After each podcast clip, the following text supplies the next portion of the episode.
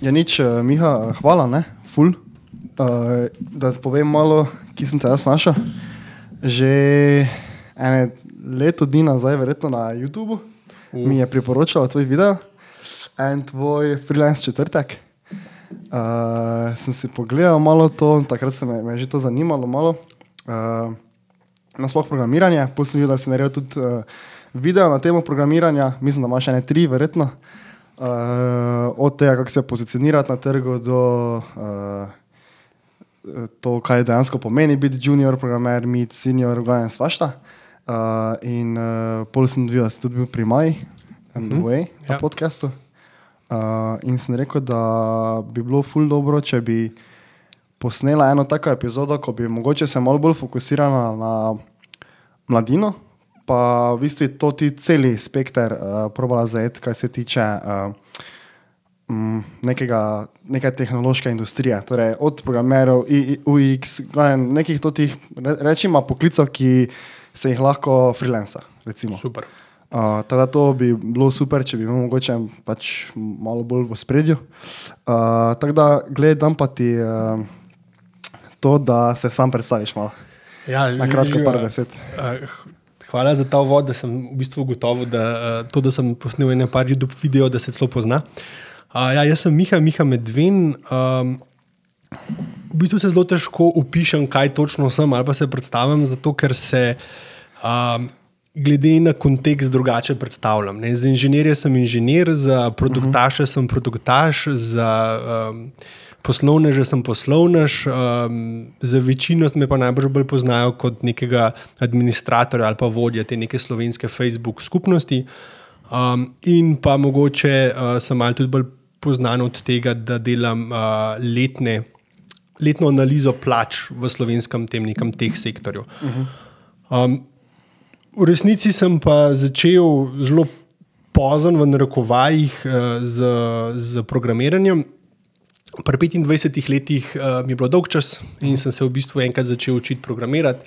Devet mesecev kasneje sem imel že nekako prve v bistvu, naročnike, um, programerske, in zdaj deset let kasneje sem dobrih sedem let freelancu, zdaj zadnje dve, tri leta sem pa tako mal bolj full-time founder pri teh nekih slovenskih. Uh, early stage startupih, torej to je tam, ko, dobijo, dobivajo pr, ko, ko dobivamo prvi denar, pa probujemo lansirati neke nove storitve. Uh -huh.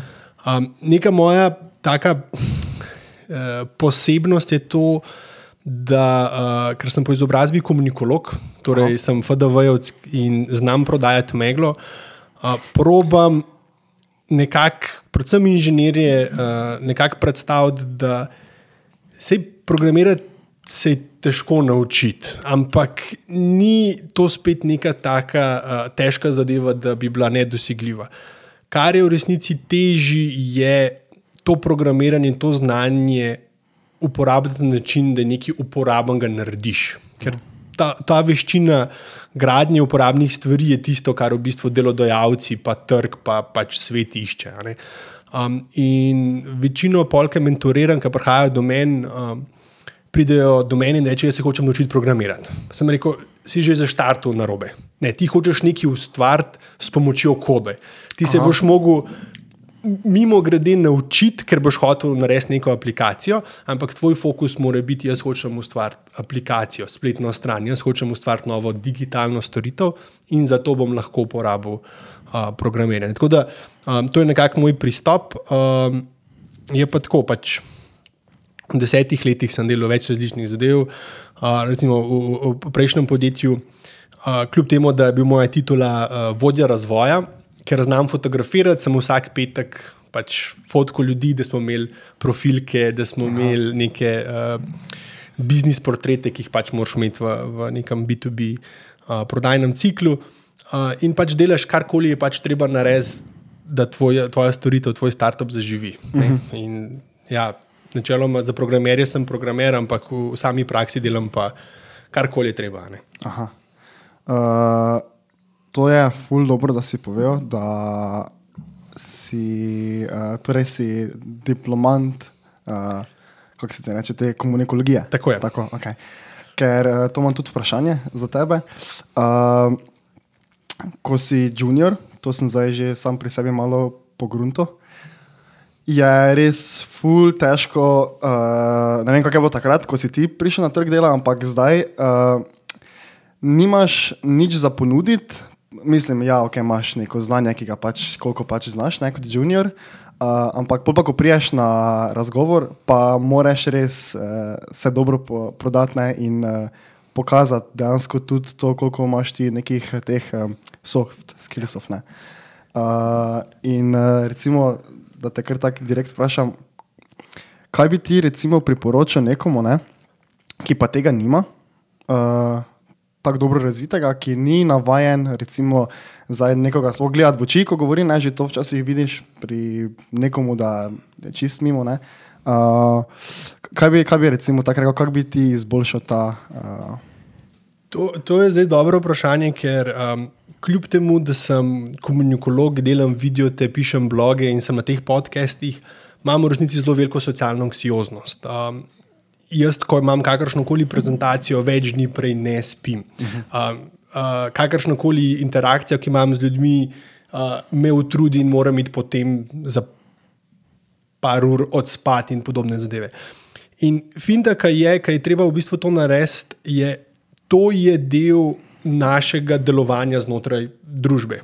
In kljub temu, da so mi te zadeve izredno odveč in um, so težke, sem se moral naučiti in se moram s temi zadevami ukvarjati, če hočem upravljati to delo.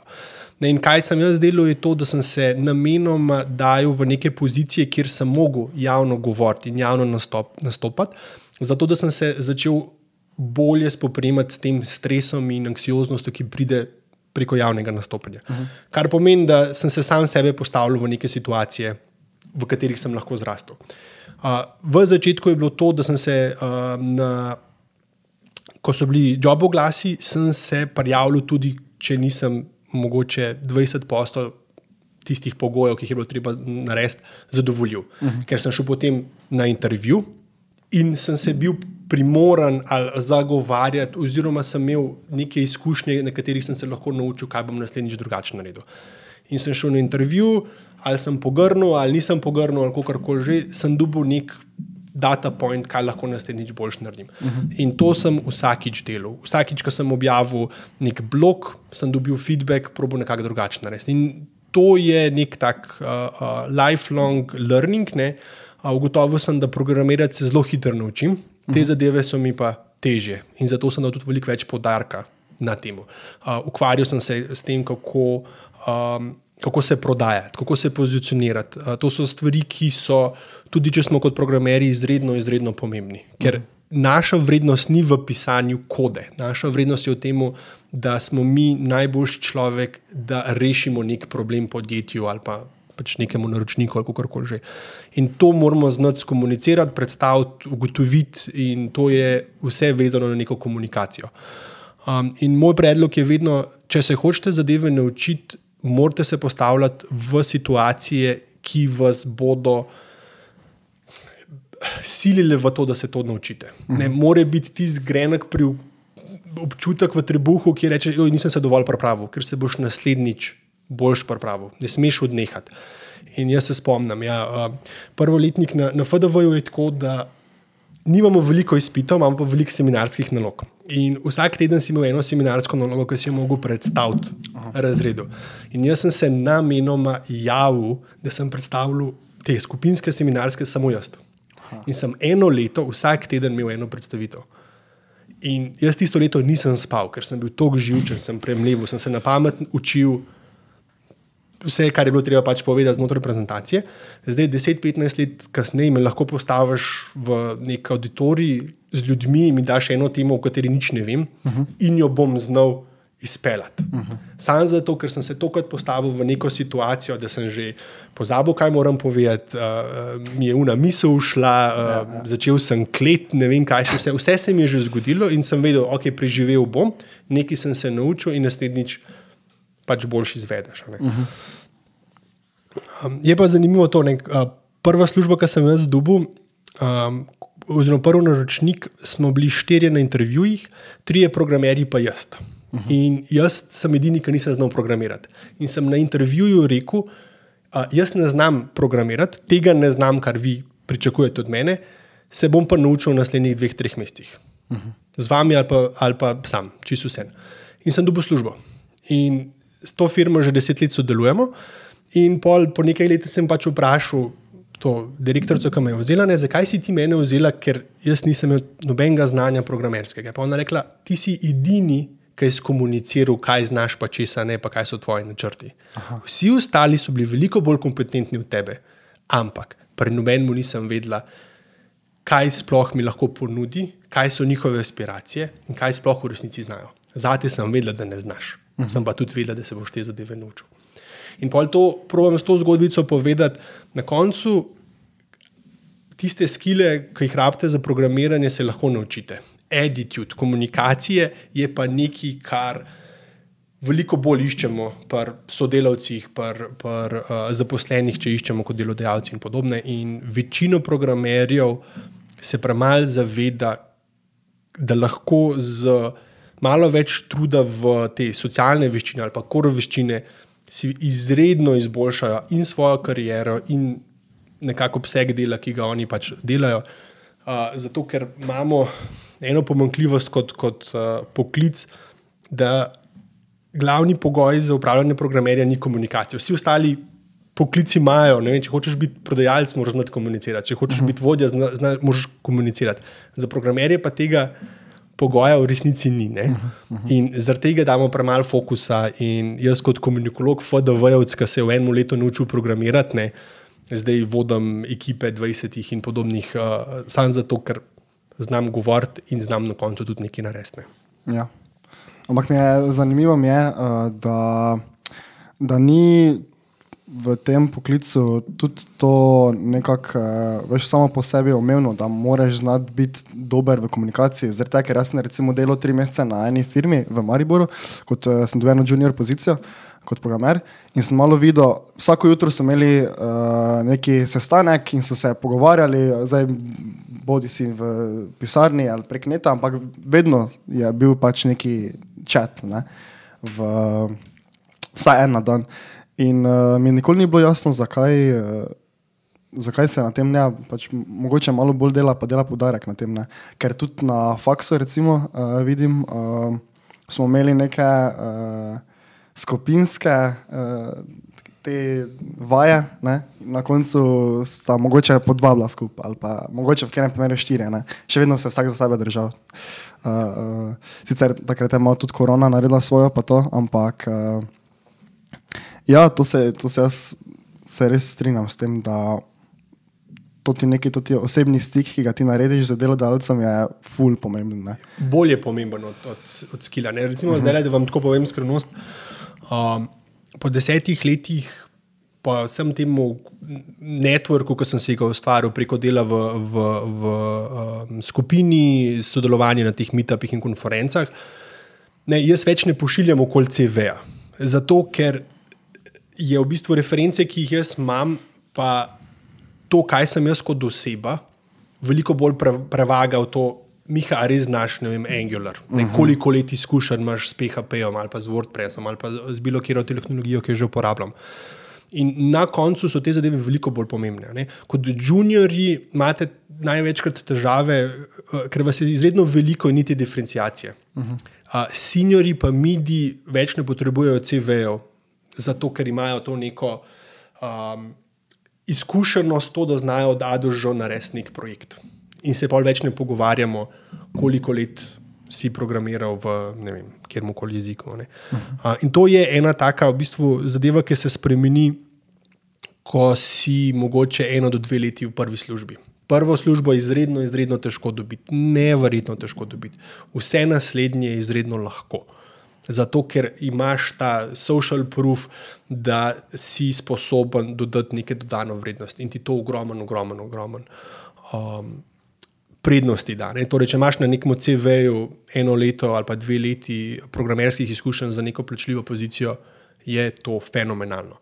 In če tega ne moreš, so tudi projekti, ki so brezplačni, ali pa ki so mogoče za lokalna društva ali karkoli podobnega, enako pomembni. Uh -huh. Ker samo zato, da ti nisi bil plačan, pa si še vedno naredil, da doživljaš projekt, so izkušnje popolnoma enake. Uh -huh. ne, še vedno si mogel to narediti. In tle največkrat mogoče juniori potem um, malo izvisijo, ker delajo tutoriale, ne delajo pa pravih projektov. Uh -huh. uh, jaz tudi kot freelancer nikoli nisem delal tutorialov, jaz sem delal nekakšne prave projekte in ko sem prišel v delodajalce, sem rekel, da teh šest aplikacij sem naredil. Ne, in potem so me sprašvali, s čim si pa to naredil. Je ta ja, ja, s tem, ja. naprej. Ne, ampak še sem jih naredil, da držim. Uh -huh. imam, imam sto uporabnikov. Uh, in to je tisto, kar je v resnici na koncu bolj pali, kot programiranje. Ja, ja, ja. Uh, pa tudi tako z tega vidika, recimo, če si ti rečeš. Uh, Ok, zdaj pa programiral, ker si hočem narediti vem, aplikacijo, vem, da mi bo beležila, koliko keša sem porabil. Boš mogoče tudi malo več motivacije, ker ti dejansko češ nekaj med uporabnika, kot pa zdaj rečeš, ok, zdaj pa naredil to ti 20-urni kurs. Ne? Ker jaz sem že oboje sprobo, pa vem približno, kaj mi bolj leži. Uh, in ja, mogoče je res to dober, uh, dober napotek, no, da si reč, rečeš, kaj bi ti rad ustvaril, ne? tako si rekel prej. Ker tudi, recimo, zdaj sem imel uh, enega mentoriranca, me je vprašal, uh, povej mi nekak dnevni red.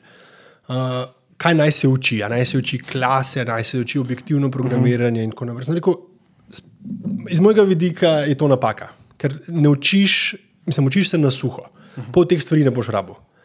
Ti, kar moraš ugotoviti, je, kaj je projekt, ki ga hočeš narediti, pa kako pride do tega, da bo nekaj delal. Uh -huh. In iščeš po dokumentaciji, gledaš tutoriale ne zato, da jim slediš, ampak da vidiš pristope, kako pa je, in potem to prilagajaš na, na, na uh, svoj use case in podobno. Ker jaz, kot senior, večino časa preživim v dokumentaciji. Uh -huh. ne, ker razmišljam o tem, kako nekaj, kar že obstaja, ker lej, celotno. Uh, celoten softver je sestavljen iz forič lupov, if stavkov, pa klesov, ne, moš ustvariti nekaj novega. In to te ne bo noben tutorial naučil. To moraš ti prakso dati noter, kjer probaš ne, ena plus ena, kako narediti, da bo 11, ne 2. Ne. Ja. Um, in to se jaz čisto strinjam, jaz fulj priporočam projekte delati, ne, mm. ne se učiti, korse, pa tečaje, pa tako naprej, ker služba ni taka. Ne, služba je tle, imaš problem, reši ga. Mm -hmm. Ne moreš nobenega drugega vprašati, kot sebe. Uh, in če boste to veščino uh, gradili in jo razvijali, garantiram vas, da boste zaposljivi in garantiram vas, da vas noben machine learning ali karkoli podobnega um, ne bo mogel nadomestiti, ker ste problem solverji. Uh -huh. Ne? In če ne boste uh, reševali težav z programiranjem, boste pa skladivom, ker je koncept reševanja problema popolnoma enak, samo urodje drugačno. Ja. Uh, preko si jih omenil, da si uh, mentor. Uh, to sem jaz tudi takoj, ko sem začel delati v, na teh mojih nekih veščinah, uh, si čim prej pač probo pridružiti neki ekipi ali pa pač vsaj enemu človeku, ki me lahko malo usmerja. Uh, kdaj ti misliš, da je pravi čas, ne, da nekdo dejansko, bom rekel, zaguši nekomu ne, in reče, hej, uh, bi si ti vzel, ne vem, vsake teden eno uro za mene, pa me probo, ne vem, malo usmeriti, kaj naj delam, kak delam. Uh, Kdaj, kdaj misliš, da je to pravi čas? Ker jaz uh, sem bil že tudi, ne vem, z kakimi sem se pogovarjal, ko so pa to recimo prehitro naredili. Veš, ko še niti nisi, niso se niti pogruntali, ali je to za njih ali ni. In so kar, veš, kar hteli hiteti s tem, da okay, za vas je moral nekoga poiskati, pa mi bo on malo povedal levo, desno. Kdaj ti misliš, da je, da je pravi čas, da to narediš? To je zdaj tako, uh, odvisno, kakšnega, na kakšnega mentorja naletiš. -huh. Jaz si želim, pa jaz priporočam vedno takoj si najti mentorja. Zato, ker um, ti zna zelo hitro dati neke informacije, ki ti pomagajo ugotoviti, ali se to sploh lotiti ali se ne sploh lotiti. Prišli so ljudje do mene. Pač hočejo iti v ta poklic in me vprašajo, koliko časa morajo oni noter, da, da bodo dobili prvo službo. Pa jaz rečem, po, po dve leti najbrž ne bo šlo skozi. Uh -huh. Aha, to pa nisem pripravljen. Uh -huh. Super. Jaz sem zaključil svoje, svoje delo, ta oseba je zaključila svoje ne, pač, uh, um, poslanstvo znotraj pač, uh, področja programiranja uh mhm. -huh. in je win-win. Ne samo zato, ker se ta oseba ni naučila, to ne pomeni, da to ni bilo uspešno. Ne. Če pa ja. me kdo vpraša, ne, kdaj, koliko časa je rabljeno, da si z, z, po, poštekel programiranje, pa rečem, to pa nekako 6 do 9 mesecev. Ne. Uh -huh. Ker ne gre za službo, ampak gre za programiranje. Aha, ok, to pa sem pripravljen dati in je to drugačen attitude in je potem meč drugačni. Uh -huh. um, sem, um, to usklajevanje. Največkrat je težava to, da velikrat ljudje ne izberejo pravih mentorjev in mentori ne izberejo pravih mentorirancev. Nekaj tle le more biti neko usklajevanje pričakovanj in pa da se najdete na, na ta pravi točki. Uh, in jaz bom rekel, da ta mentorska kultura v Sloveniji še precej v provojih, še posebej, če govorimo o nekem tem tehničnem kadru.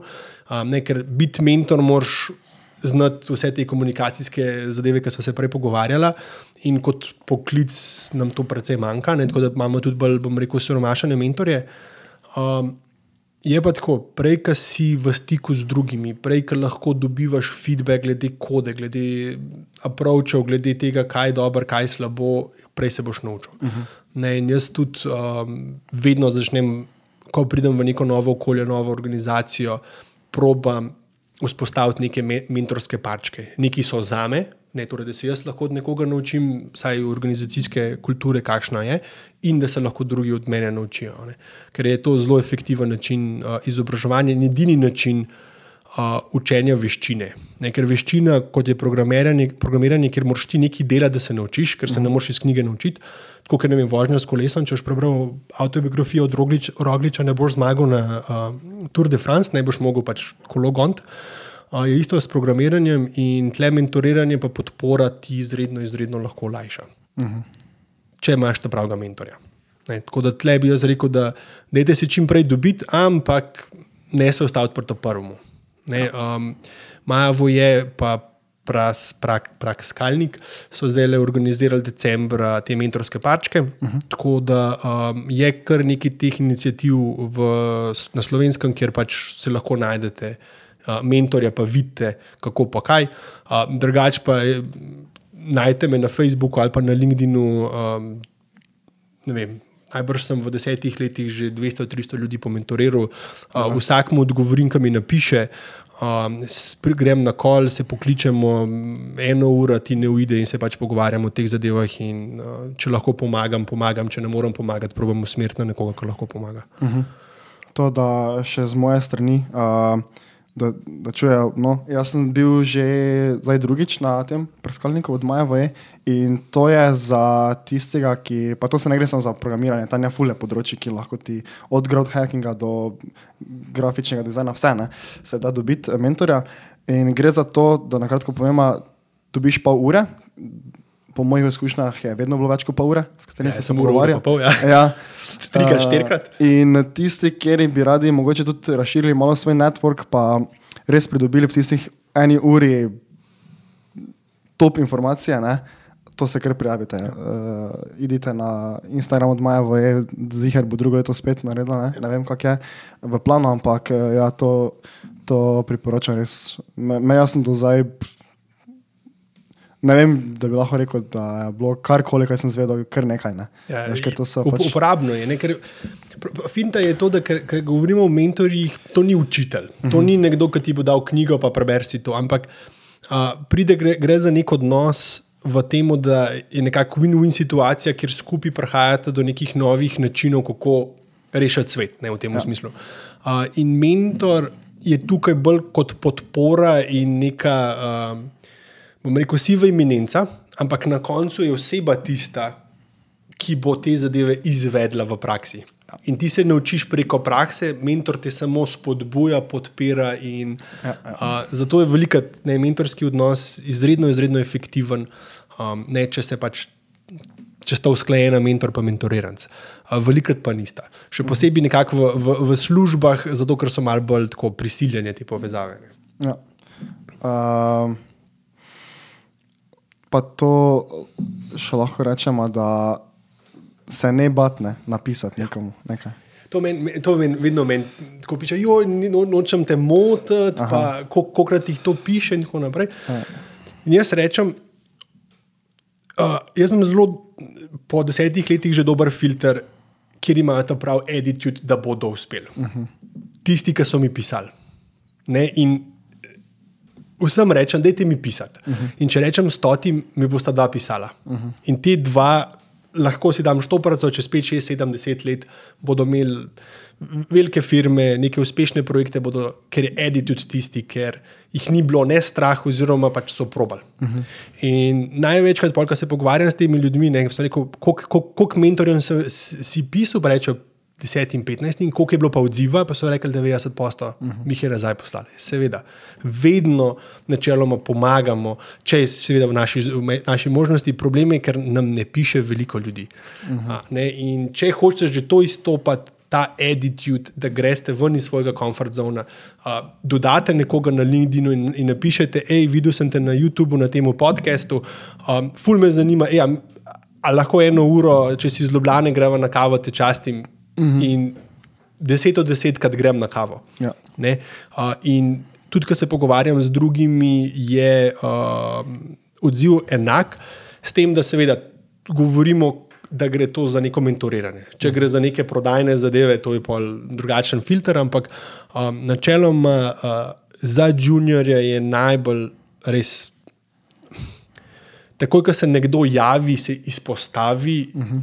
je zelo dober pokazatelj, da je edit tudi prav.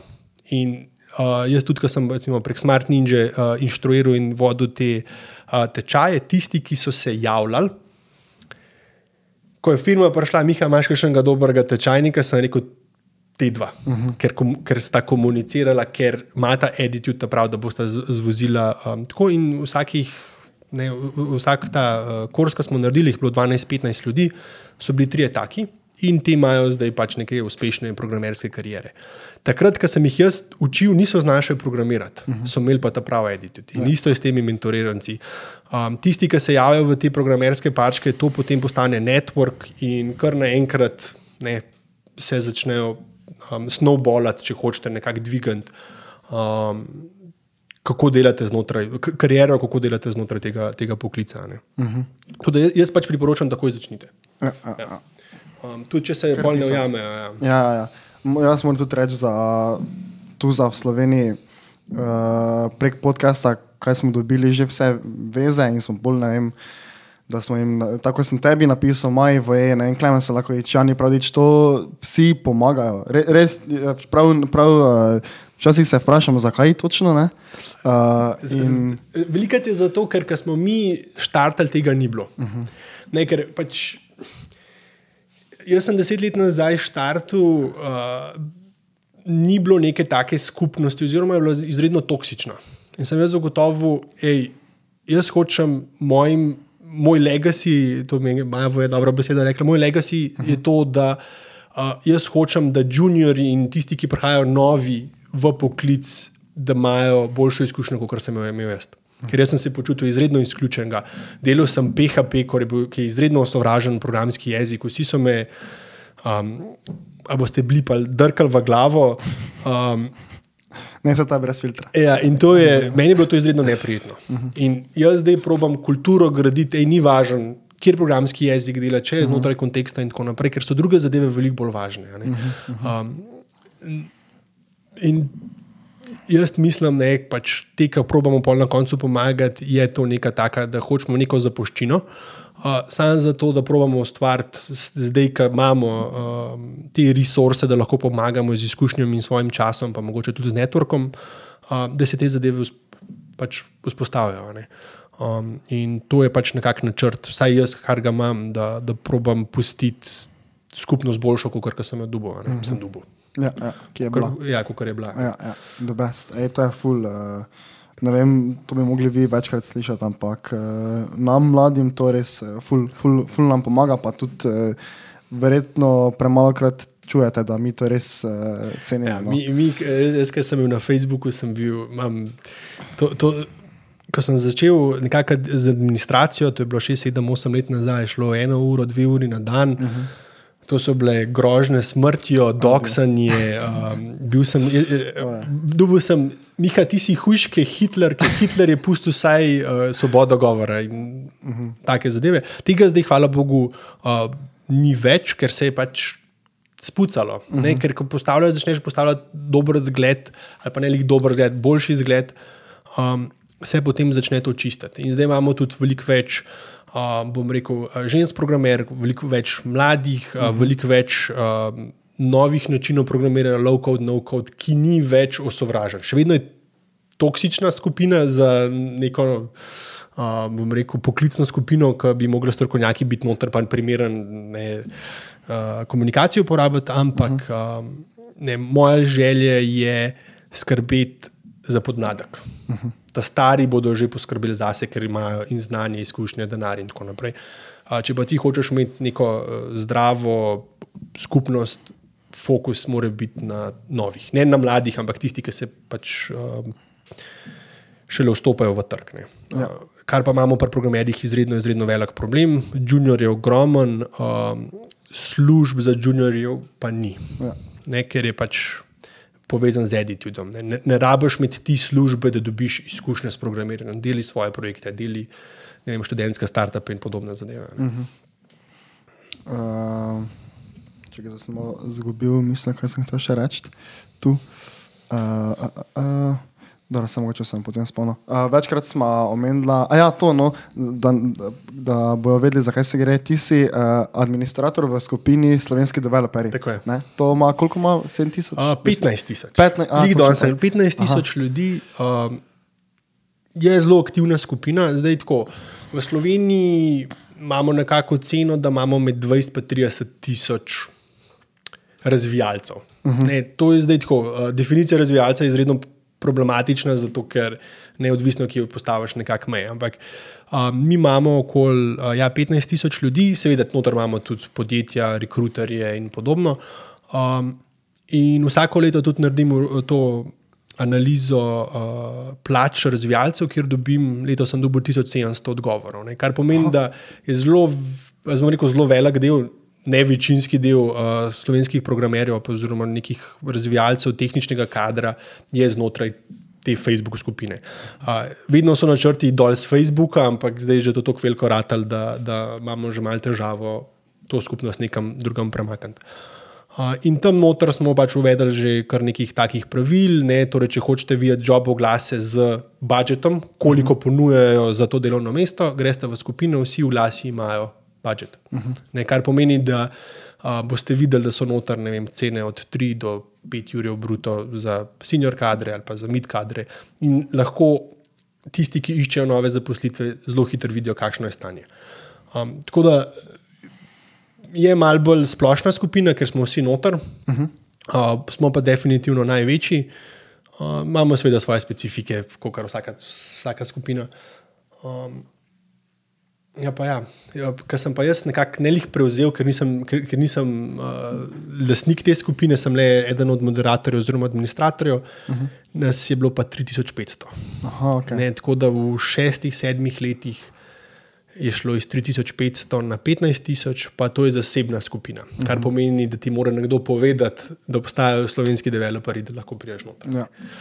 Um, tako da je to eden od uh, najvelikih uspehov, ampak uh, sem ponosen na to. Uh, je pa tako, lih zdaj, po šestih, osmih letih je čas za svežo kri. Uh -huh. Pa ne zaradi tega, ker. Uh, samo zaradi tega, ker. Uh, More se vsaka skupnost in vsaka stvar prevetriti, tudi če je v redu, ker kljub temu, da sem 34, pa se imam za, za mladega človeka, um, imam nazore, ki niso več mogoče tako. Uh, sodobni, kot nekdo, ki je mogoče pa 18 in vstopa v ta. Um, in te nazori se morajo nekako oblikovati in potem tudi nekako skupnost to upoštevati. Uh mhm. -huh. ne, ker pri 34 sem. Uh, znotraj sveta je izredno mlada oseba, znotraj inženiring sveta sem pa izredno stara oseba, ne? ker uh mhm. -huh. večina jih je 25, 27 in tako naprej. Uh, in meni je pač pomembno to, da uh, ne da jaz vodim te zadeve ali da sem jaz nek pač vidni predstavnik, ampak da imamo več, da je v bistvu odgovornost razpršena med več različnih ljudi, ker na koncu skupnost ne gradi ena oseba ali pa pet oseb, ampak vsi. Uh -huh. In moramo vsi delati na tem, da bomo pač uh, pospravljali za sabo in pač pomagali drug drugemu. Ne? In to je nekako moja, moja želja, je um, graditi to vodstveno kapaciteto te skupine, skupnosti da ni odvisen od enega človeka, od enega vodja mita, ampak da je to 5, 10, 20 ljudi, ki so uh, zmožni in furajo naprej uh, te zadeve. Ker v Sloveniji se največkrat zgodi to, da je vse odvisno od enega človeka, temu človeku zamori, a gre pa v tujino živeti in potem mita propade. Uh -huh. In potem neka skupnost propade, zato ker ni nobenega, ki bi to naprej vlekel. Ja. Um, tako da to, to so stvari, s katerimi se jaz ukvarjam, ker um, jaz izredno ne maram, da so zadeve odvisne od mene. Ne, pač, tudi, ko grem v službo, probam prva stvar, ki je um, avtomatizirati, pa odpraviti svoje lastno delo. Ne, če, zato to mi da pol možnost, da grem na dopust, da grem na bolniško, da se ne sekiram, zato ker so okoli ljudi mene, uh, ljudi, ki so zmožni upravljati delo brez mene. Uh -huh. In isto pač jaz nekako vodim, vsaj probam voditi uh, vse ostale zadeve v mojem življenju. Kaj bi rekel, da bi taki pogled, ki ga imaš ti, bi bilo dobro, da ima vsak neki lider ali pa ne vem, kak, ne, ne vem, lider. Jaz mislim, dober lider si takrat. Mislim, Tako je, ne? vse gre za pričakovanja. Ne? Večina ljudi mislijo, da si dober lider takrat, ko tvoji podrejeni zadovoljijo tvojim pričakovanjem, ne naredijo to, kar jim jaz rečem. Uh -huh. Ampak v resnici je ravno obratno. Ne? Dober lider si takrat, ko tvoji podrejeni dobijo v tebi zadovoljitev njihovih pričakovanj. Takrat si dober lider. Uh -huh. Kar pomeni, da se moraš ti ukvarjati večinoma s tistimi, ki jih vodiš, jih sprašovati, kaj so tvoje pričakovanja, kaj lahko jaz zate naredim ne kaj lahko ti za me narediš, da, men, uh, da se bom jaz fajn počutil, zato ker sem šef, pa sem ti nekaj naročil, ampak kaj jaz lahko.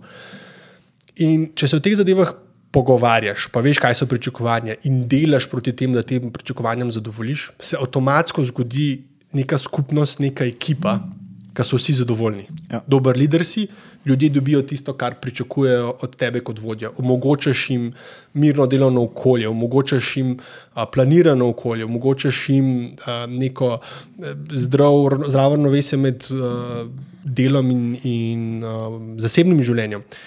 In to so zadeve, ki so mogoče bližje bolj tem novim načinom razmišljanja, ki jih prihajajo z mladimi. Old school razmišljanje tega ni. -huh. um, in zdaj to tista zadeva je, če se jaz pogovarjam z starejšo generacijo, ki imajo neupravne odbore in podobne zadeve.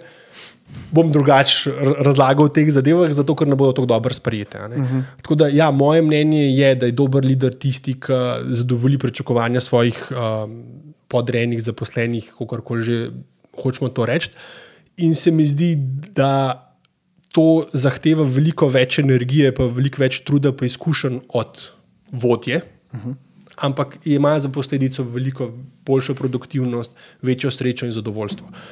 Ne, in pa je zdaj samo odvisno od eh, te vodje, koliko je pripravljen delati na tem, da bo dober vodja. Ker večina ljudi ni pripravljena, ne? ker gre pač za neko ne vem, socialen odnos, ki priteče um, te neke hierarhije, ki pride znotraj podjetja. No. Uh mhm. -huh. Ali pa pač organizacije kot take, družbe, države, se ni važno. Ja. Um, nimamo šol za vodi, mislim, šol, ker je isto kot programiranje neka veščina. Uh, jaz, ki sem začel to deset let nazaj, ko sem bil star, 19 let sem imel prvo ekipo, smo bili trije študentje, takrat nisem imel pojma o teh zadevah. In je trajalo 10-15 let, prav prakse, da sem se mogoče nekatere zadeve naučil. Ne. Uh -huh. um, tega se ne morem naučiti v šoli. Ne, jaz sem mogel uh, kristati, zato da sem se teh zadev na lastni koži naučil. Ja. Uh, prej smo uh, večkrat omenili network in oziroma mreženje po slovensko. Uh, zraven recimo nekih Facebook skupin, pa recimo, če se zdaj malo oddaljimo od nekega tega social medija, recimo, da rečemo, da hočemo neki konkretni človeški stik, uh, tako ena na ena, kak bi rekel ti, uh, kaj je dober plan, da si neki začetnik postavi, kako kak, kak se mrežiti, kak, uh, na kaki način. No? Mreženje je v resnici tako ena tako zelo ne, ne bi rekel težka, ampak strašna beseda. Ne? Da moraš ful neki biti uh, uh, nakuliran in se tam pogovarjati in ustvariti neko tist. Ne, uh, mreženje je to, da preneseš uh, neoseben stik na bolj osebnega. Uh -huh. To pomeni, da če greš na nek meetup, ne, ljubljena pika teh imajo recimo meetupe in prideš na lokacijo, kjer pač ta meetup. In greš do um, tega, ki je imel ravno kar predavanje, mu daš roko in mu se predstaviš, ime pa prim, ravno kar si se na mrežu. Uh -huh. In rečeš, hej, ful, hvala, ful je bilo dober uh, uh, predavanje, kaj zameriš, če dodam na LinkedIn. Uh -huh. In kar naenkrat si se na mrežu, zato ker si oseben stik, ne nadomestil ta neoseben stik tam daleč. Ja. In kar naenkrat si na nekem višjem nivoju. Zdaj, če gledate Simse, a ne veš, imate acquaintances, pa imate friends, ne, zdaj si eno stopno višji. Uh -huh. In mreženje je samo to, da greste na to stopno višji, da imate nek že vzpostavljen stik. In največkrat jaz tega ne delam namenoma. Uh, jaz, ki mi, mi ljudje rečejo, ti se fulover pokonekteš, ne, jaz sem pač rad se pogovarjam z ljudmi, ne, pa pohvalim jih, predvsem takrat, ko so, so kaj naredili. Ne. In jaz ne pridem kaj networkat, jaz pridem tja poslušati, uh -huh. pa jaz pridem tja. Uh, Predvsem se zahvaliti ljudem, ki te zadeve organizirajo in te zadeve odvodijo. In potem, kar naenkrat, veš, ki imaš un efter, nekaj piješ uh, pijačo, pa ješ pico, ne, -huh. se pogovarjaš o vseh ostalih zadevah. Ampak moj plan je pač spoznati ljudi, se jim zahvaliti, da se pač temi zadevami ukvarjajo.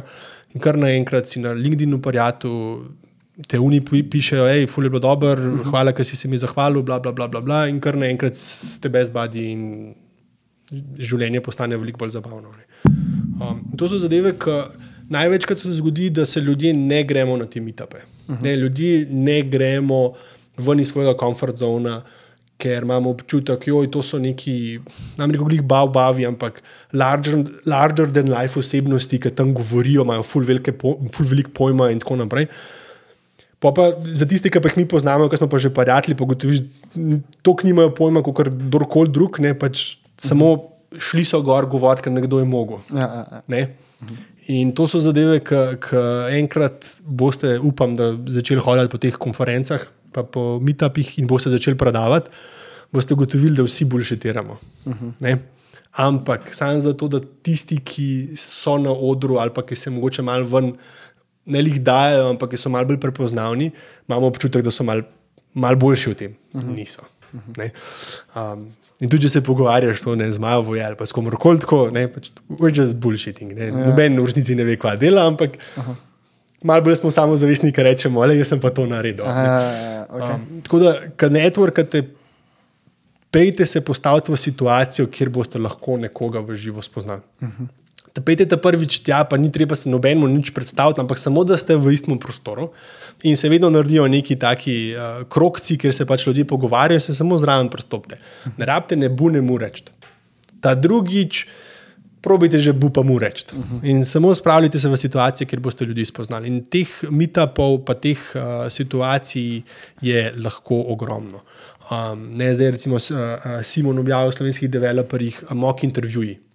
Ne, če boste iskali službo, ne, ste mu lahko poslali CV in on je pol eno uro z vami treniral intervjujanje. Ravno kar ste Simona spoznali, ne, ki je izredno dober growth hacker, pa um, programer in tako naprej. To so, to so neke situacije, v katere se morate spraviti. Kako se boste kaj spravili? Pač jaz sem tak, da. Uh, še preden dobro premislim, odprem čet, pa napišem živijo, uh -huh. ker pa moram nekaj nadoknaditi. Ne? Isto, ja. kot moram imeti mrzlo vodo, jaz najprej skočim, pa pa razmišljam, uh -huh. to le bo bolelo. Um, vsak se mora najti neko nov način, svoj način, kako se spraviti v te situacije. Pa, ker si enkrat tam, ne, uh, je zelo velika verjetnost, da boš spoznal ljudi in uh -huh. to je tako. Je. Uh, jaz sem recimo svojo kariero začel tako, da sem šel na hekaton. Aha. In iz tistega hekatona sem ugotovil, da je ena skupina ljudi, ki dela iste stvari kot jaz. In smo še zdaj neki pobondani, še zdaj je to je zdaj že skoraj 80 let. In to je začela moja karijera. In potem sem z unimi, ki so inštruirali ta hekaton, oziroma vodil, uh -huh. sem delal na treh projektih. Potem sem tam z, z, z parimi, ki sem jih tam spoznal, naredil dva projekta. In kar naenkrat se pač sam zato, ker sem šel na en hekaton, um, ogromno enih ljudi spoznal in pač postal del te skupnosti. Ja. Prej pre sploh nisem vedel, da to obstaja. Ne. Zdaj bo Dragon Hack, meni se zdi, ali je bil ali bo, uh -huh. um, ker je študentski. Dajte se na te zadeve prijavljati, um, ker so izredno, izredno dobri načini, da greste iz svojega komfort zona in spoznate druge ljudi. Um, tudi recimo Discordi in Slacki, um, kljub temu, da so mogoče tekstovni, je to način, kako uh -huh. vzpostaviti Ne, pač sem igral, nisem glih igral World of Warcraft, ampak sem pa igral te uh, MMO-je. Ne? In pač ti človeka ne vidiš v živo, nikoli v življenju. Ja, ja. ampak imaš neke pristne vizije in uh -huh. gre za to, da si navezal nek osebni stik in se pač pogovarjaš s temi ljudmi. To se morate, nam reko, glih prisiliti, ampak to je del tega dela. Ja, ja. Uh, in če te boste to zanemarjali, uh, boste zelo slabo upravljali svoje delo. Ja, sprogramirali boste, ampak to je le 10 postov, mogoče celotnega um, repertoara, ki ga potrebuješ, da si dober inženir. Uh, samo tako za uh, intermezzo, to, kaj govorimo, lahko tudi valjda aplicira tudi vsi ostali, ne samo programerji. ja. ne. To gre, ker, ker veš, hočem čim večji neki spekter uh, ljudi. Ja, jaz sem začel kot In, UX-er, ne pa copywriter. A, In pa sem šele s časoma, po parih letih, ugotovil, da biti programer je malo bolj dobičkonosno. Uh -huh. Ampak a, pristopi so popolnoma, popolnoma enaki. Tudi ko smo imeli freelance, freelancerje, meetupe, pa ko sem imel predavanje za freelancerje, a, to je nekako podjetništvo ali pa življenje one-on-one. Uh -huh. Velja za vse, tudi za zdravnike, tudi za vse ostale. Um, ker neki so veščine, ki nam neposredno pomagajo v upravljanju dela, neki pa uno, kor. Včasih se je temu rekel soft skills, um, pa se ni, ni parjel, zdaj, zdaj se temu reče core skills. Ne, to so neke osnovne zadeve, ki bi jih mogli preko socializacije in osnovne šole pridobiti, ampak jih ne pridobimo. Um, to bom rekel, da je bolj pomembno kot tiste trde veščine, ki so potrebne za, za, um, za delo, jih je pa ful težje naučiti. Ful težko. Um, tako da um, so načini, ne, prvo kot prvo je, moraš se spraviti ven iz komfort zona. Ne, moraš se spraviti v situacijo, v katerem se boš to naučil. Doma z računalnikom se teh zadev ne boš naučil. Ja. Ja. Uh, in zato sem tudi jaz začel to zgodbico s to anksioznostjo. Jaz, ki sem bil na faksu, ja, dobesedno, meni je bilo najbolj doma brez človeškega stika. Ampak sem vedel, to mi ne bo omogočalo. Jaz se moram naučiti, kljub temu, da nimam nobenih predispozicij, da bi bil um, ne glih javna osebna, ampak nekdo, ki pač zna uh, komunicirati. In sem se spravljal v situacije, kjer sem se mogel te naučiti. Uh -huh. Ker nisem mogel en dan pred prezentacijo reči, jaz tega ne bom naredil. Ja. Pač sem šoke. Ta prvič sem za ribu, ta drugič sem za ribu, ta tretjič sem celo zvozil. Uh -huh. ne, ta stotič mi je šlo uh, že ful super. Um, in to je tisto, kar je, in ta samo refleksija, pa da se izboljšuješ, to je tisto, kar je težko. Uh -huh. Je pa to tudi glavni način, kako imaš malo bolj polno življenje. Ne? Ker uspešni primerki niso tisti, ki so najpametnejši, najhitrejši ali pa najboljši, ampak tisti, ki se najhitrejši učijo, ki, naj, ki so najbolj adaptable, ne, torej, ki se znajo najbolj prilagoditi. Prilagajaš se preko učenja. Nekaj se naučiš, to ne deluje, bom nekaj drugega sprobal. Ne? In če se boste fokusirali na to, da boste se dali sebe spremenjati, prilagajati. Um, ni važno, kaj boste delali. Ali ste to programerji, ali ste to produktaši, ali ste to UX-eri, dizajnerji, uh, bo uspeh tam, uh -huh. ker se boste obrnili, ko ne bo več uspe, us, uspešno delovanje, ki ga boste delali. Ne, zato sem tudi par poklicov spremenil v življenju. Pač ni šlo. Ne, bil sem fotograf, sem začel služiti, sem ugotovil, da oh, tle ima pa en ceiling, to bi mogel znati narediti. Gremo copywriting, gremo uh -huh. growth hacking, gremo analitiko. Pol ugotovil, da oh, fulj več ponudbe je za programerje, sem se to naučil in tako naprej. Um, Uh, ej, jaz samo čaknem, okay? za kamere, če vse štima. A, a, a, da vidimo. Uh, Škaj, eh, eno fuldobro vprašanje. Uh -huh. Ja, ja, ti kar- odnehati? Ok, Ja. ja. sem glih mislil priti na to, ja. kdaj odnehati. Ja. A boš imel tukaj eh, kate? Ne, glej, ker. Kdaj odnehati? O tem sem ful, ful razmišljal, ne ti uh, lih to, da so tisti, ki to. Uh, jaz sem dobil neka u- osnovna vprašanja pred parimi dnevi in uh -huh. eno od vprašanj je bilo, kdaj odnehati. ne. Ja. In to je eno tako vprašanje, ki mi sledi že celo življenje in je tudi izredno pomembno, ker ni ta pravega odgovora. Ne, ker če prepozen odnehaš, si ogromno enega truda dol noter in nisi dobil nobene koristi. ven. Če prekmal odnehaš, ne, nisi dobil tistega payouta, ki ga bi imel za effort, ki si ga noter. In tudi pol, če se navezujem na vse ostale zadeve, ki so self-help buke, uh, uh, je, imaš dve vrsti self-help bukov. Ali deli nečesa več, ali pa deli nečesa manj. Isto. Ali, če prehitro odnehaš, ali pa moraš malo bolj uh, biti uh, odločen, in tako naprej. In v resnici je tisto pomembno vprašanje, je, je znotraj konteksta, kje si, ne tisti če. Če, če prepozno odnehuješ, ne, ali pa če prehmalo, definirati, v katerem čaju si. Uh -huh. In to je izredno, izredno težko, ker nikoli ne boš v resnici 100% vedel, ali si prehiter ali si prehmal. Ja. In večina ljudi se ukvarja z odnehanjem, ali pa jaz se ukvarjam s čajem. In jaz se probujem ugotoviti, kje sem zdaj. Ali sem dal dovolj truda noter, ali moram spremeniti način, kako ta trud porabljam, ali sem prehiter ali sem prepočasen in se skozi ukvarjam s tem čejem. Uh -huh. In finta tega čeja je, da je v neki meri odvisen od mene in mojega truda in mojega inputa, v veliko večji meri pa odvisen od trga, od zunanjih zadev. Kar pomeni, da jaz nič ne rabim narediti, pa se mi ta čas spremeni. Danes sem bil prehiter, zdaj bo recesija, jutri ne vem, pade evro, tri nove vojne in kar naenkrat ta čas pomeni, bil si prepozen, uh -huh. kljub temu, da nisem več naredil. In večina ljudi se proba uh, uh, ukvarjati s tem, da ima kontrolo nad situacijo, vsaj iluzijo kontrole, ker imamo neki input. Uh -huh.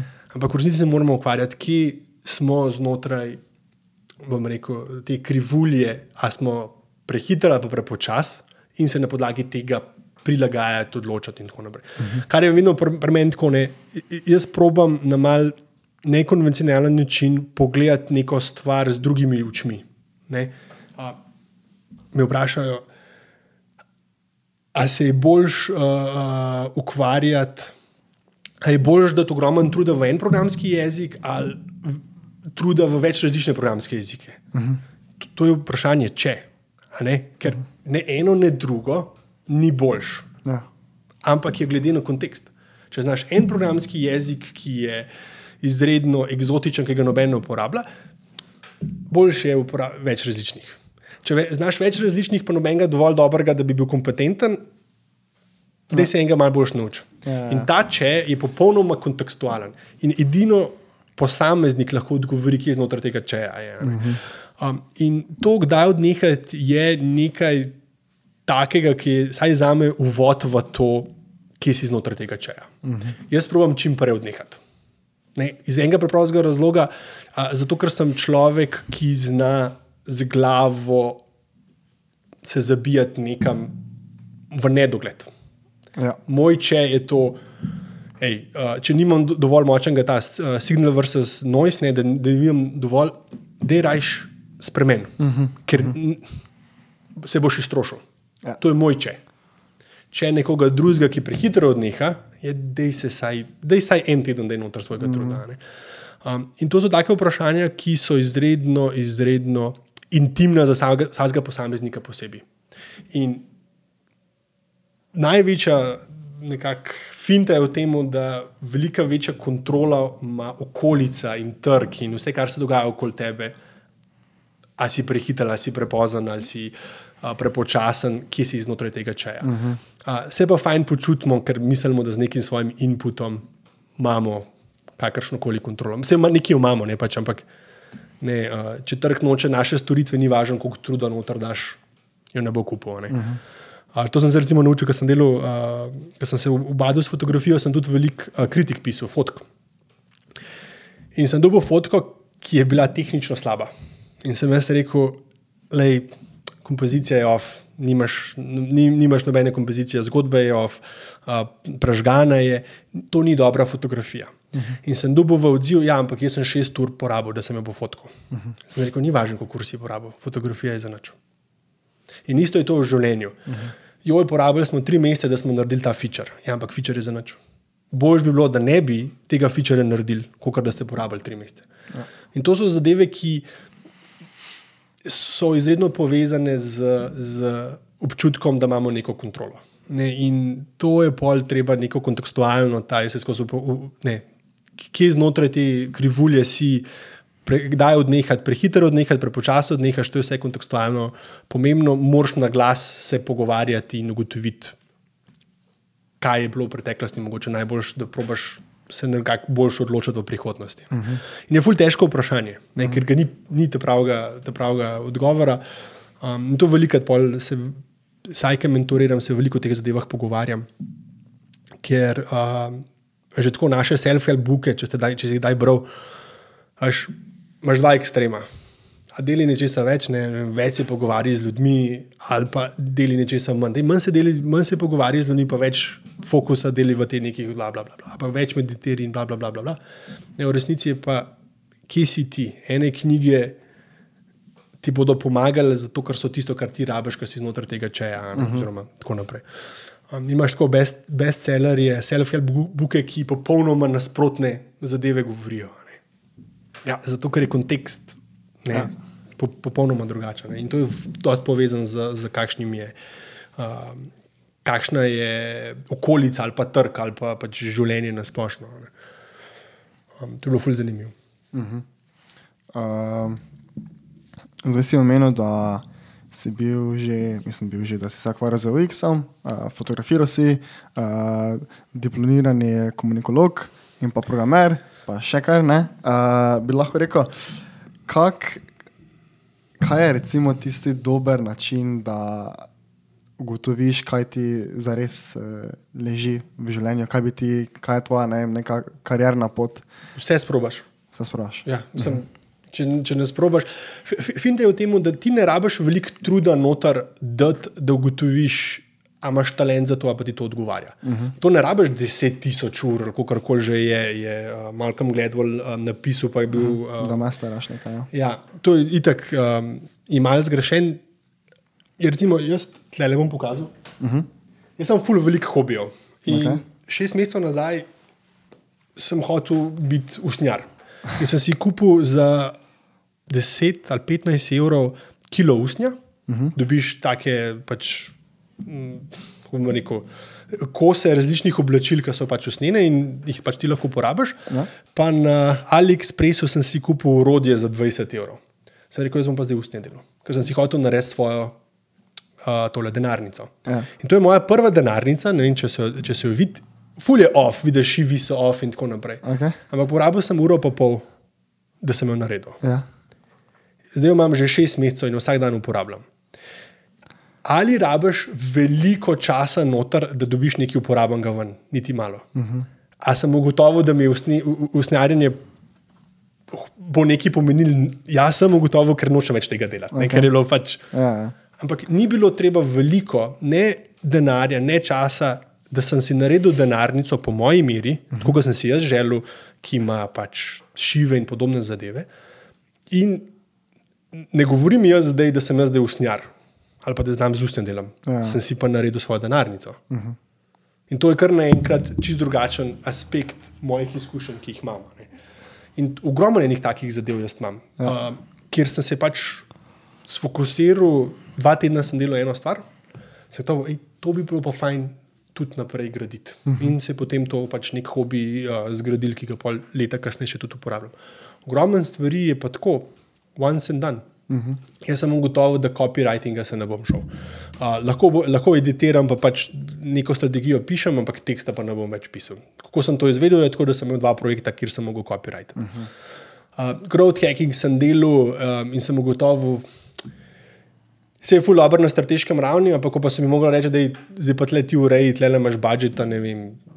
Jurija na mestu, zdaj ti v te oglase rihti, sem rekel, to pa, to pa nočem delati. Ja. Jaz bi raje nekomu drugemu rekel, naj dela te oglase. Ne?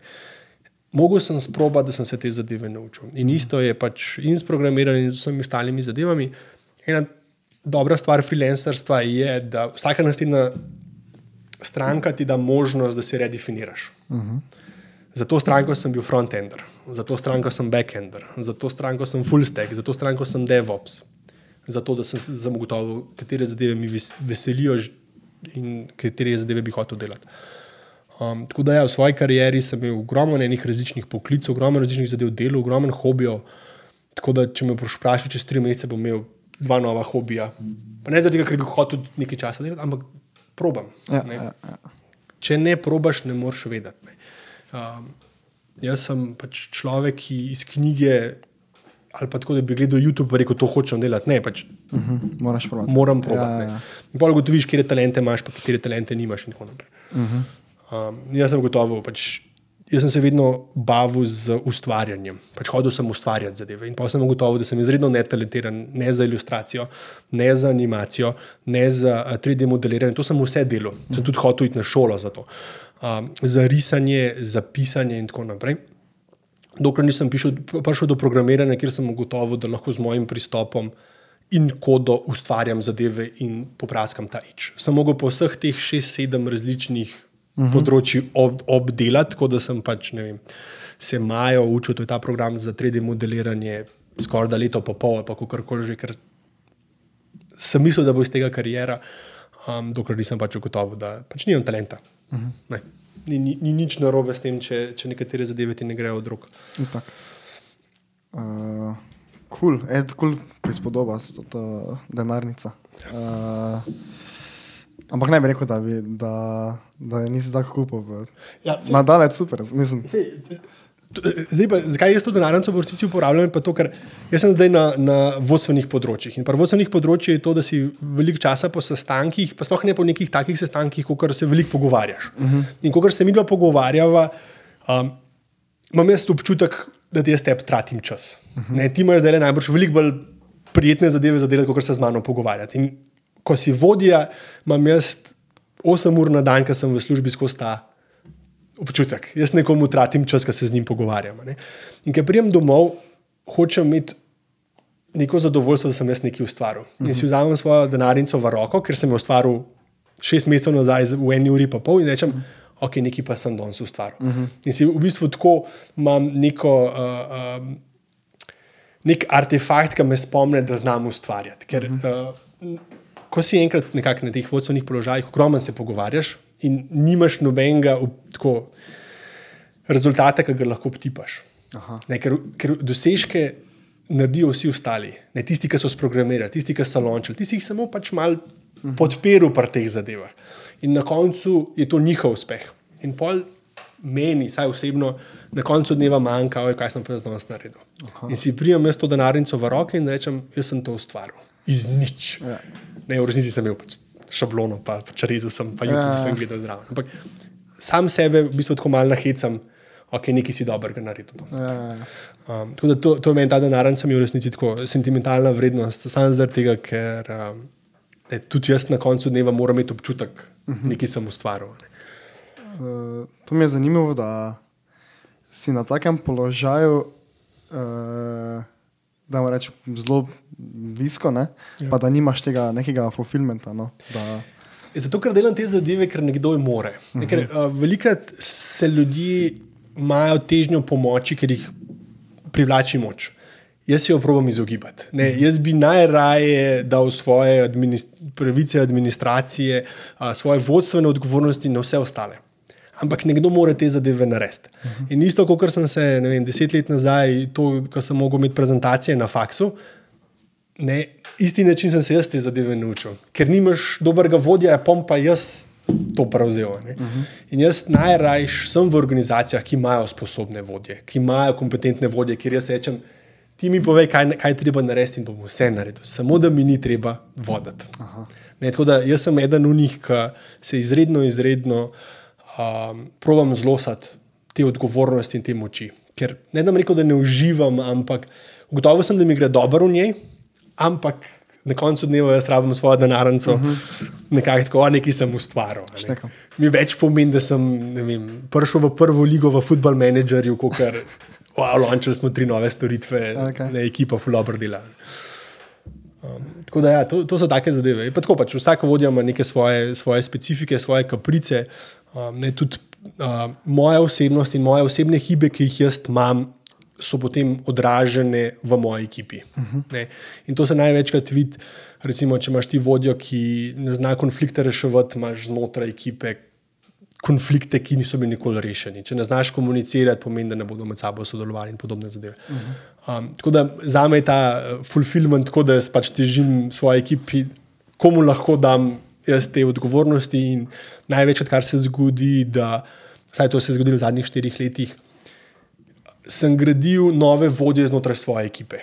Ne, kjer sem jih jaz postavljal na vodstvene položaje, samo zato, da so te kompetence gradili, da se je ta load premaknil. In zdaj imam že kar v zadnjih štirih letih, mogoče pet, šest ljudi, ki so prišli iz nekega junior do mid inženirja ali pa um, UX-arja v nek senioriteto, uh -huh. v vodstveno senioriteto, samo zato, ker sem se hotel znebiti. Kdo bo šel zdaj na sestanek z direktorjem, meni se ne da, ne? in pa pač te pa ti. Ja, zanimiv pristop. Ja, kar, kar je po eni strani ful dobr, ne, ja. po drugi strani ne, je pa tudi, pač, imaš zaradi tega mogoče malo probleme, ker pa ne deluje, kot da upravljam svoje delo. ja, ja, ja. Okay. Uh, ej, uh, predn zaključimo, na kratko. Uh, za Finto sem šel uh, na chat GPT, uh, pa sem napisal, naj mi pripravi deset vprašanj za tebe. Ne? Ni bilo za nekaj, večino je bilo tega, kar sem že vse vprašal, ali kaj se zdaj ne, ne raje mogli preveč dotakniti.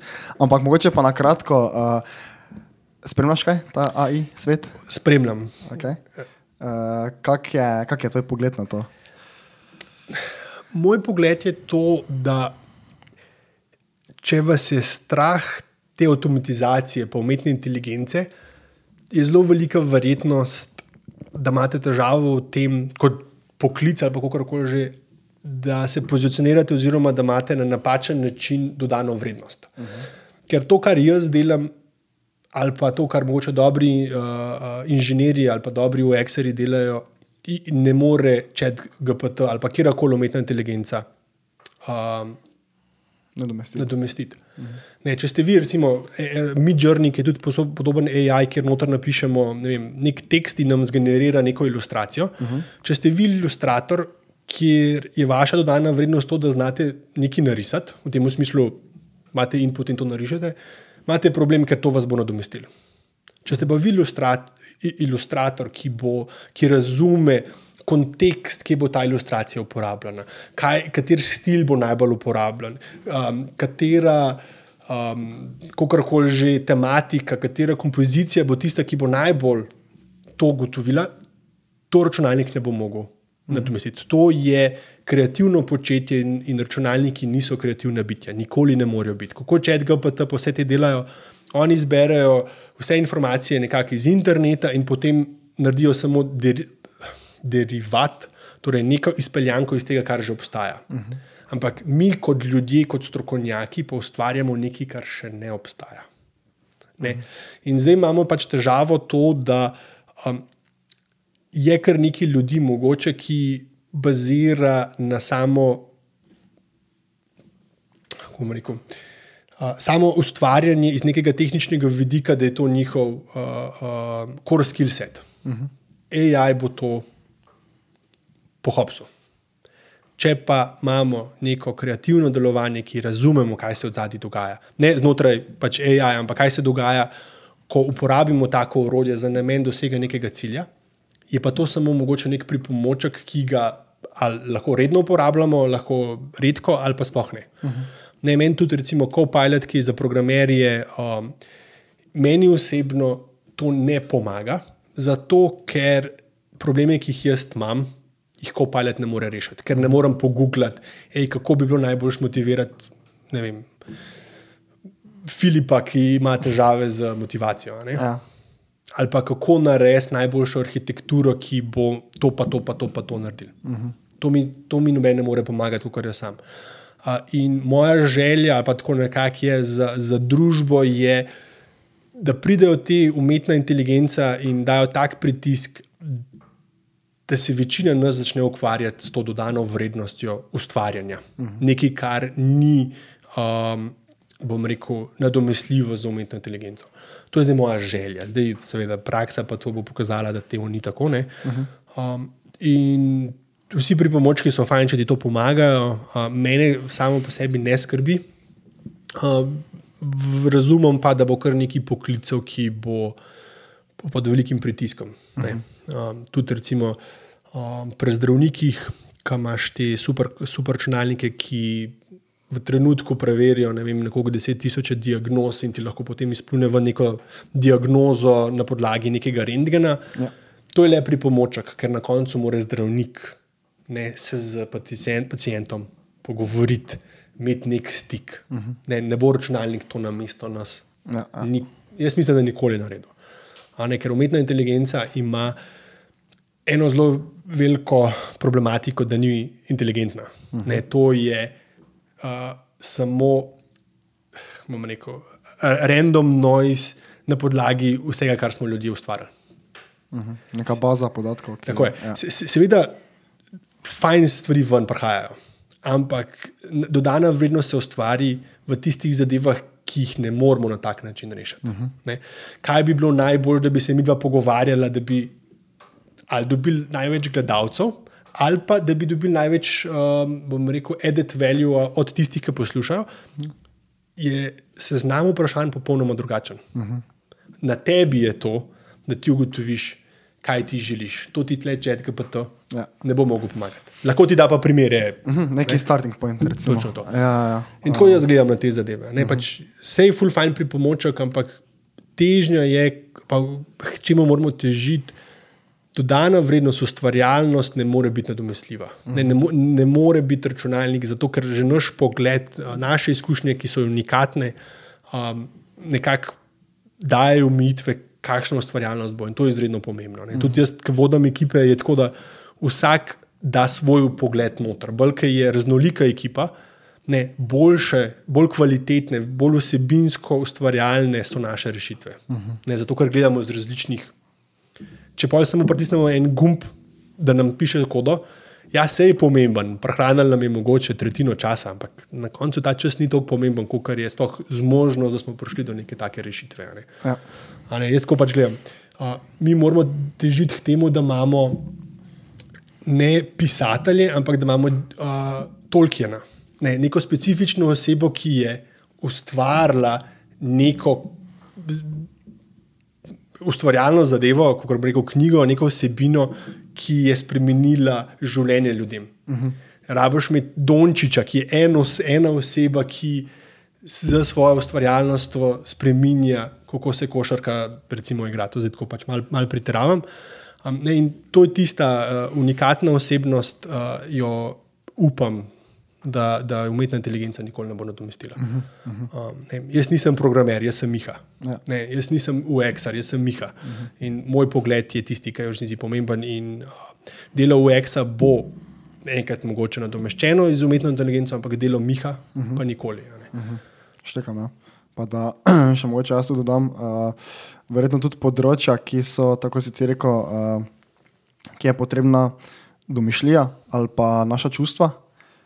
Tu, ne, mislim, ne znam si predstavljati, no, da, bi, uh, da bi nas tu nadomestilo. Mislim, v bližnji Ja, prihodnosti. se, ne. se že tudi recimo, ta chat, chat GPT je finta v tem, kar uh, dobro dela, so stvari, ki so najbolj pogoste. Torej, vprašanja juniorjev, pa mogoče te najbolj osnovne zadeve, ki je, ker je tega veliko teh osebin. Uh -huh. Ko si ti enkrat cutting edge, bleeding edge, ti noben drug ne more pomagati, ker si edina oseba na tem svetu, ki, ima, ki to ve. Uh -huh. In če ti nisi bloga napisal, ki ga bi chat GPT prebral, uh -huh.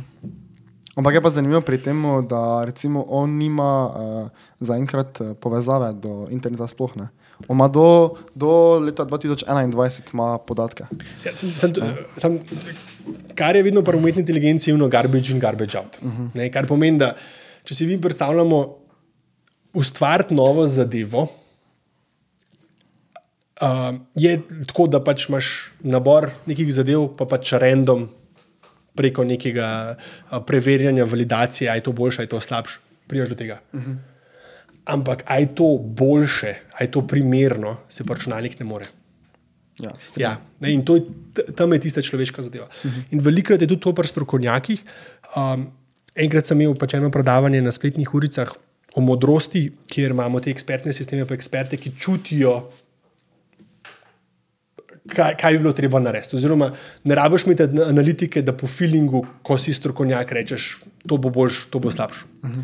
Zato, ker so izkušnje in pa, pač biologija tako narejena, da si že na, kak, na te mikro uh, zadeve naučen, kako reagirati. Pa, začutiš, da se bo neki paril, pa kdaj se ne bo neki paril, zato imaš pač te uspešne producente ka, in tako naprej. In tudi ljudje smo tega popolnoma sposobni. Uh -huh. ne, to je ta intuicija, ki jo mi imamo. Ne. Zdaj, če to samo pre, pretopiš v, v umetno inteligenco, si mogoče pohitril zadevo, ampak ljudje smo enako tega sposobni. Uh -huh. Mogoče ne na tak, na, na tak rekel, način, ki ga lahko ti za 10 dolarjev na, na mesec prodaš uh, milijonom, ne iz neke, neke take storitve, ampak na podlagi tega strokovnjaki delujejo. Ja. Ne, ker se z nekom pogovarjaš, z enim avtomehanikom, ki 20-30 let šraufa avtomobile, ki ga pogleda, pa že ve. Ja. Ne? Ja. To je enako, kot da daš simptome tvojega vozila v neko bazo, noter on pogleda vse te zadeve in reče: uh mhm, -huh, Najbrž je slobka šla. Um, ampak to je tako. Pač jaz dam veliko podarka na te unikatnosti. Človeka in probam graditi na tej podlagi. Zdaj, če boš enega drugega gosta, ki je bolj umetna inteligenca in koliko je to zdaj revolucija. Uh -huh. um, jaz mislim, da ni to revolucija, kot je bila mogoče elektrika in kot je bil mogoče internet. Uh -huh. um, je pa zelo fajn gimik.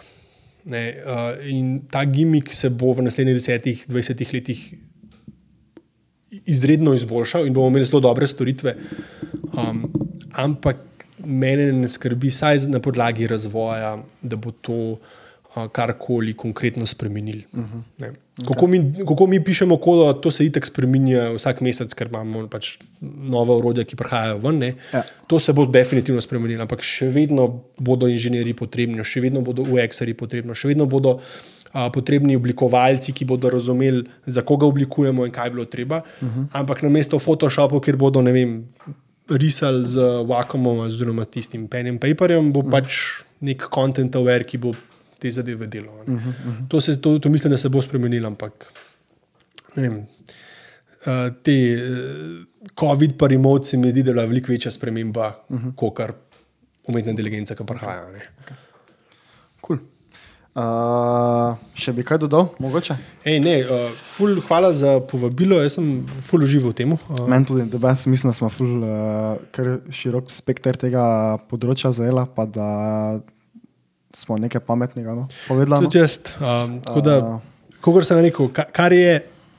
Če ima kdor, kdorkoli kakršno koli vprašanje, pa to ni, va, ni važno, je to programersko, startup ali karkoli podobnega. Uh mhm. -huh. Na Facebooku sem, na LinkedInu sem. Le bo vse bo spodaj. Tako je, dajte mi pisati. Kot sem rekel, edit je tisti ta prav, uh, ki je pomemben. Uh, morate iti ven iz komfort zone in moja vrata so vedno odprta. Uh, če lahko pomagam, bom pomagal, tako da naj vas ne bo strah. Um, to, je, to je v bistvu to. Veliko sreče s podcastom in veliko subscriberjev in lajkov in tam zapo. In hvala. Ja. Ič, hvala tebi, no, da si se že odsajt pa prišel. Uh, tako da vi pa napišite mu, ne, če kdo kaj rabi. Hvala, živite.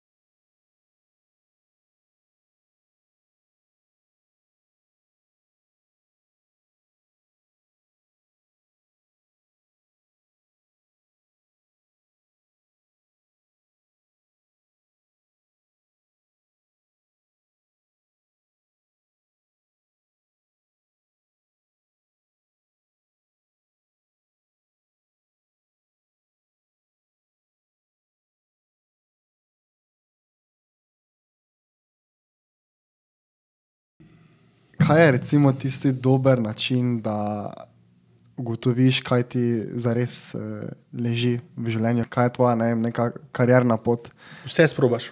se sprašuješ. Ja, sem, če, če ne sprobaš.